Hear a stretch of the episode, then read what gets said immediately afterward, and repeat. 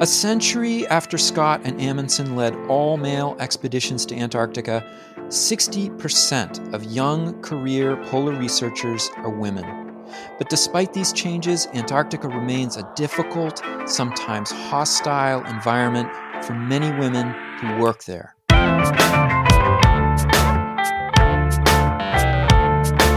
It's time to eat the dogs. I'm Michael Robinson. Today, Hanne Nielsen talks about the challenges facing women who work in Antarctica. Nielsen is a lecturer in Antarctic law and governance at the Institute for Marine and Antarctic Studies in Hobart, Tasmania. She's the co author, along with Meredith Nash, of Gendered Power Relations and Sexual Harassment in Antarctic Science in the Age of Me Too, to be published this year in Australian Feminist Studies. Hanne Nielsen, thank you so much for talking with me.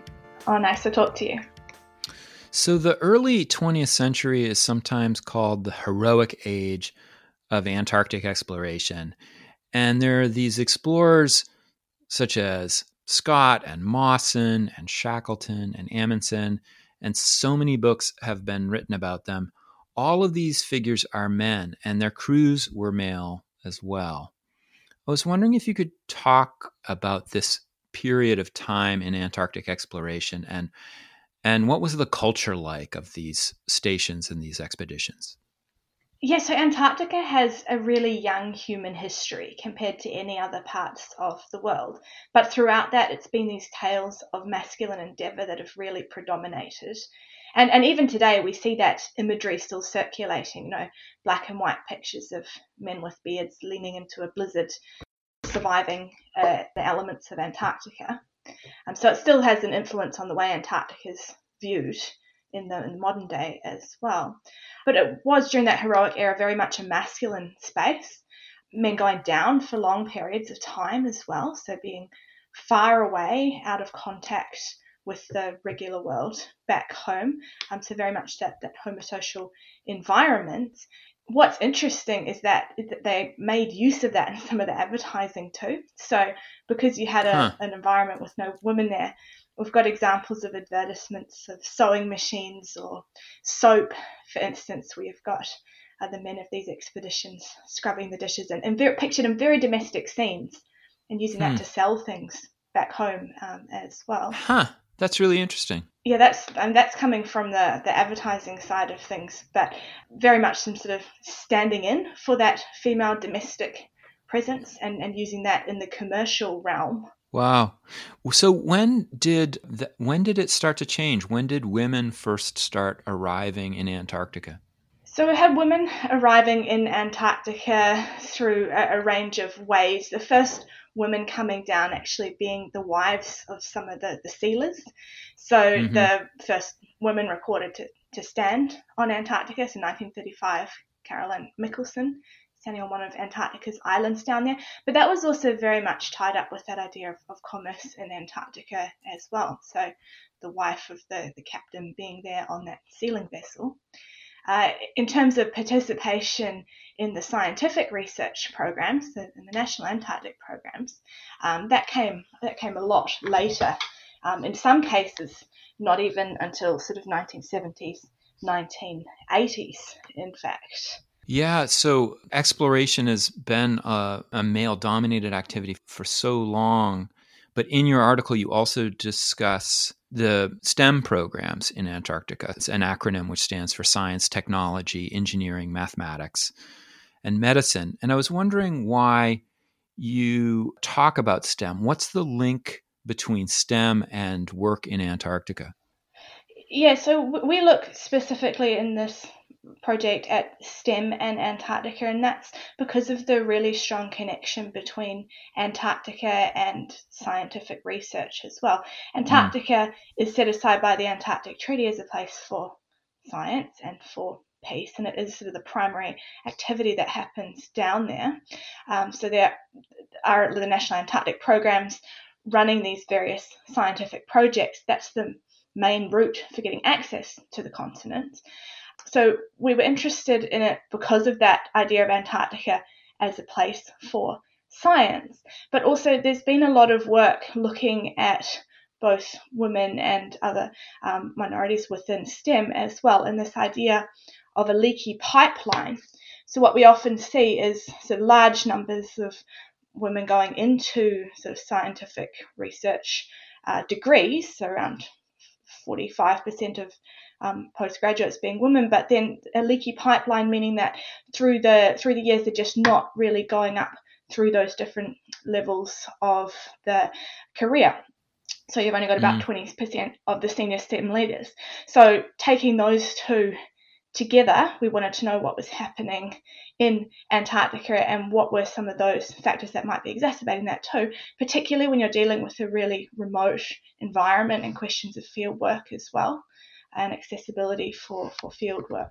So, what you're saying in a way is that the field of study, Antarctica, has long been male dominated, but also the type of activities that are happening in this field, uh, the STEM field, is also has also been male dominated and even though it's changed that pipeline shrinks as you get h- higher up uh, within it am i understanding that correctly yeah yeah absolutely and then when we're looking at, at science as well we need to look at sort of scientific practices too within a sort of a, a cultural context and a lot of those are actually very gendered too so this hmm. assumption mm. that the ideal scientists will be generally white, able bodied man is particularly in the case of fieldwork, able to sort of leave any home responsibilities and go for long periods of time to do this work in, in faraway places.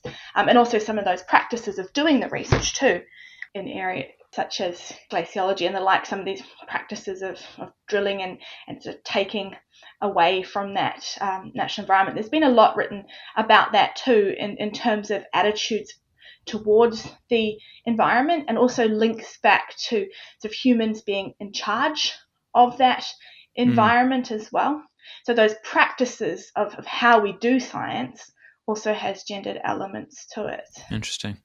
Uh, you were part of a team that conducted a study on women working or who have worked in Antarctica, and specifically women who spent time on one of Australia's four Antarctic research stations, including the sub Antarctic station on Macquarie Island. Can you talk a little bit about this study? How big was it, and what was it interested in figuring out?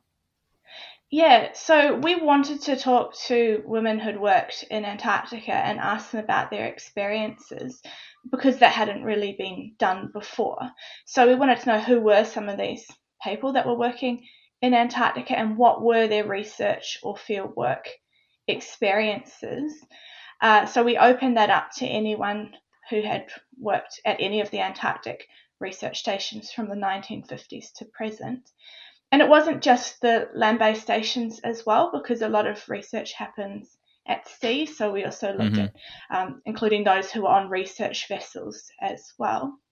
Uh, and, and what we wanted to do was just ask them what was that experience like and what were some of the challenges that were faced. Um, part of the idea there being that if you ask people, you can know what has been going on and then also plan for a sort of safer and more inclusive expeditions going forward as well. Mm. Some of the women who you interviewed in their written responses talked about there being a quote body culture on Antarctic stations. Could you describe that? What, what do they mean by that? Yeah, so one of the barriers that we found when talking to these women was to do with physical barriers, and this was mm. to do with the tasks required to do in the field in Antarctica, which meant much of that is very physical too. In order to stay alive in a remote field camp, it takes a, a lot of work, not just your research, but also you know, taking everything out there to set up the, the camp and the like. It wasn't that physical capacity was the main barrier here, it was also to do with perceptions of physical capacity. So we had women, for instance, telling us that they would be criticized for being too independent if they wanted to carry their own equipment but at the same time being accused of being something like an ice priestess of asking for some help. So it was also to do with these uh, sort of assumptions that were carried about the capabilities of these researchers um, as well.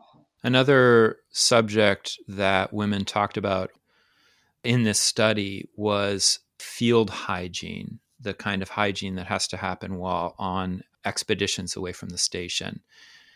And beyond the particular cultural sensitivities about talking about issues like urination or menstruation, what was what was interesting to me was that there were important safety issues that the women described. Can you talk about that? Yeah, so uh, hygiene and having that adequate supplies and clothing has really big implications for safety in the field because that's central to survival. Antarctica is a really harsh environment. Uh, in, in order to be able to do work down there, you need to have, for instance, clothes that can fit you correctly.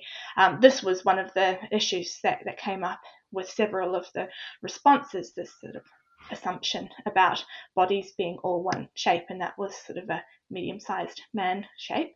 Yeah. Which, of course, if you don't have clothes that fits you, that can lead to more danger of things like hypothermia and the like. But also, hygiene, just thinking that through in the planning of these expeditions, that really has not always been happening. There's a lot of embarrassment around that. Things like female urinary devices, which help if it's very, very cold weather, mean you don't have to strip off all your clothing. But these were distributed through whisper networks rather than just in the packs of safety uh, equipment before going down to Antarctica. So that certainly had implications for how comfortable and safe women could be in, in the field. It strikes me that that's really similar to the way that people talk about, or women astronauts have talked about space exploration as well, that there are these all of these barriers to extreme environment work by women and a lot of it comes down to issues like well we don't have the equipment and we don't have the facilities for you i don't know if you have any thoughts about that yeah, and I think a, a, lot of times that's actually quite easy to address um, if you just ask women what is it that they are needing and what are those barriers. And in these cases, that was very simple to fix, you know, making sure that the clothing is the right size, including the sort of equipment that's needed hygiene wise right from the outset, but starting those dialogues to identify what are the challenges it, it can go a really long way to bringing down some of those barriers too. I found it really interesting that most of the women in your study really enjoyed their Antarctic fieldwork, but they also felt that it put increased pressure on their relationships back home in a way that was actually unequal to some of the men expeditioners. Uh, what's the issue there?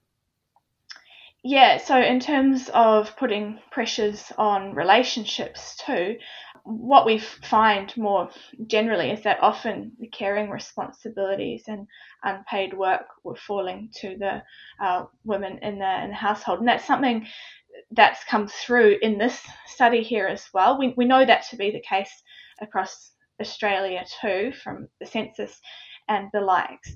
But we had, say, 37% of people coming back to us saying they were spending 20 or more hours each week dedicated that to caring responsibilities. Wow. So, of course, if that is mm-hmm. what you're usually undertaking at home, then being away for a period of time in the field can have quite big implications there as well. It's much more disruptive, yeah. And that was also something that was uh, making it more difficult for women to go into the field in many cases if they were primary carers back home. Mm. Mm. There were there was some positive news in your report. It stated that when a questionnaire was given to women expeditioners in the 90s, that 52% of women reported that there was no gender differentiation. Um, that they felt that there was no gender differentiation um, among members of the crew, and that in the last decade, that number is up to about 69% of women saying there's no gender differentiation. Do you have, I know this is speculation, but I was wondering what do you think explains that shift upwards? Well, I think we often think of Antarctica as a place that's far away and remote and very much associated with those masculine ideas of the heroic era. But it is also a workplace and it is very much connected to what happens back home as well. So if we have sort of changing attitudes back home and changing expectations, that can be also reflected in what happens in, in Antarctica and, and in the field down there too. And we do need to remember that it is a workplace. That can be a re- reflection of changing expectations. We did also find quite large numbers of people reporting that they experienced sexual harassment, though, just over 60% of our respondents. Yeah. So I think this also indicates there are ongoing challenges. And those challenges are also not unconnected to what's happening back home as well, and assumptions, for instance, about the, the gendered roles that people perform in, in society too, and what's considered to be acceptable or, or not. Uh, and it can just be heightened when you're in a really remote environment with nowhere to go, essentially. One of the things I think is so different about the 20th century um, in Antarctica versus the stuff that I studied in um, the Arctic, 19th century Arctic exploration was that oftentimes the women in those expeditions were they were Inuit uh, helpers or they were they were wives of explorers uh, who were on the expeditions or they were people back home who were assisting with the expeditions and in the 20th century in Antarctica, in, increasingly in the last 20 or 30 years, you now see, you now have women scientists, but also women field leaders, women leading expeditions into the field in Antarctica, as well as women station leaders. And I was wondering if women in these positions, these leadership positions, experience things differently from other women on the base. Yeah, absolutely. We've got women in, in leadership positions right across the board, and that's both in Antarctica and back home too, in, in terms of um, positions in national Antarctic programs um, and the like as well. Whether they experience things differently, well, if you're if you're in a position of leadership, you'll certainly be under a lot more scrutiny. And some of these women who've been leaders at stations, for instance, talking about that idea of being watched all the time, all of your moves being watched. There are differences too in terms of when you whether it's the woman in charge or the or man in charge, and that's been used as a political pawn in some instances too. You know, deciding when to have a, a female station leader, for instance, have that to coincide with um, certain events to get more attention towards it. Um, that's that's certainly something that we're seeing happen in, in the past. So, of course, if you're in a position of leadership, mm. you will be under a lot more scrutiny. One of the, the things we also see with women in leadership more more generally is that idea of a glass ceiling, but also the, the glass cliff, the idea that you'd be might be put into a position that is inherently quite risky, and then if it goes wrong, that can be linked back to being a woman rather than it being huh. a very difficult situation to have been put in in the first place so it has some parallels there to, to just leadership more more broadly. Yeah, you know, I, I was in Canberra at the National Library of Australia in 2018, and I was looking at some of the research files of Elizabeth Chipman, who wrote this book, as you know, The History of Women in Antarctica. Uh, she wrote it in the 80s. And in the questionnaires that women gave back to Chipman, then these were, you know, 30 years old at this point but the women who were writing about it were I was I was kind of struck at how positive they were about the experience. They almost all unanimously said that they learned a ton, that they would go back, that they that they didn't regret their decision to go to Antarctica, even as they simultaneously described that yes, there was sexism, sometimes pretty extensive sexism, the kind that you've talked about in your study as well. I was just wondering if you think, uh, or I guess I was wondering how this might compare to the types of answers that you got on your study 30 years later. Uh, so on on our study, I mean, we also had women saying they really enjoyed their time working in Antarctica. It's a pretty special place. It's also a very difficult place to get to because access is so mediated through those national Antarctic programs. Uh, and that was certainly something that came up in, in our survey too. You know, if something does go wrong or is not quite the way you'd like it to be, uh, it's much easier to, to stay quiet about that because making a fuss, you can become the locus of a problem and not have access to Antarctica again. So we had women talking about weighing that up, you know, how much they enjoyed working in Antarctica, being able to go down, and um, what they would be willing to, to go to go back again um, as well. So it, it's not that Antarctica is a terrible negative place. It's just that yeah. there needs to be work done to make this a safe workplace for everyone. And I should also say not not just women and, and men that can be very essentialist too, but anyone who's doing work in the field or wanting to do work in the field from whatever background and, and however they identify as well. One of the important things that you document is sexual harassment in Antarctica. Uh, can you talk a little bit about that? What did the study find? Yeah, so we did find quite high rates of harassment, um, not only sexual harassment, but also sort of gendered harassment as well, which might look more like some of that sort of casual sexism might be uh, familiar with yeah. too. Uh, so we, we had around just over 60% of respondents saying yes, they had experienced that uh, whilst in Antarctica, which is quite high. It, it's actually commensurate with other studies of field work, though, in other disciplines. So going into the field can be quite a risk factor there. But what we suggest from that, though, is that it shouldn't really be up to individuals to, to come forward to talk about that in order to make a difference. There really does need to be uh, scientific communities reflecting on what is their role here and recognizing the importance of intersectionality, of greater inclusivity, and talking about the power dynamics that happen, particularly in these remote field camps, before going out there, and that that is something that can really make a yeah. difference to the on the ground experience of the of the individuals.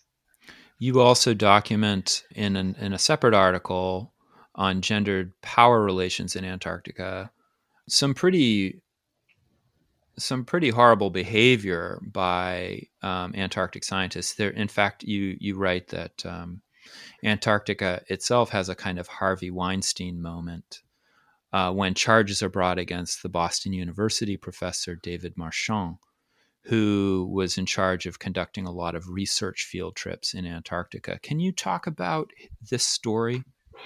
Yeah, so the whole um, Harvey Weinstein and Me Too story really broke about the same time that we were conducting our research and our study here in, in Australia. So, 6th of October 2017, which was just a day after that expose in Hollywood, um, the Antarctic science community had what we could call its own moment. So, this was a, a case where Dr. Jane Willenbring, uh, a geoscientist, and several other women had accused their former Boston University PhD supervisor of um, harassment during some of that Antarctic fieldwork. And this was back in the 1990s and early 2000s. It took a really long time to come forward with that. Uh, and that was because of concerns around careers as well.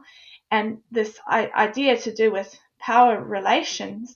And uh, I mean, if you're in that PhD supervisor supervisee relationship, you're relying a lot on that person for sponsorship throughout your career.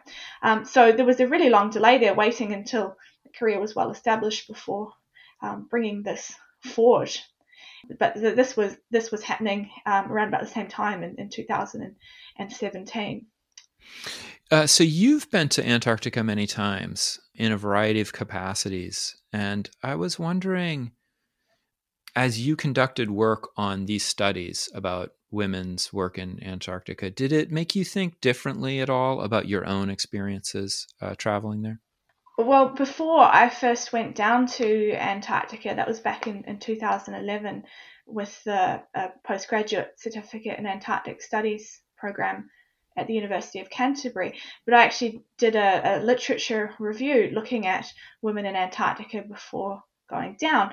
I was particularly interested not just the history of women on the continent, but actually the gendering of the continent itself, which is something we see with landscapes in, in many other parts of the world too. And it's often really associated with that colonial mindset of, of coming in and claiming territory. So that was very much at the forefront of my mind during that first interaction with the place. And since then, experiencing Antarctica as a workplace, as a, as a guide, I mean, it is a workplace like many others, but the, these issues that we see back home are still very present down there. And some of these that we see coming up in the study in the Australian context are, are certainly not uh, limited to that context at, at, all. Things like the yeah clothing, caring responsibilities, mm. um, that they're also barriers to, to access no matter what your, your role is, whether you're a scientist, whether you're support staff, whether you're working as a, as a guide and the like. Yeah. Hanne Nielsen, thank you so much for talking with me. Thanks. Oh, nice to talk to you. That's it for today. The music was composed by Zabrat. Make sure you check out the Time to Eat the Dog's website podcast links and other exploration related stuff. And if you get the chance, please take a minute to rate and review the show wherever you get your podcasts. It really helps make the show visible to new listeners. And if you want to recommend a guest or make a comment, feel free to contact me at time to eat the dogs, that's one word, lowercase, at gmail.com. See you next week.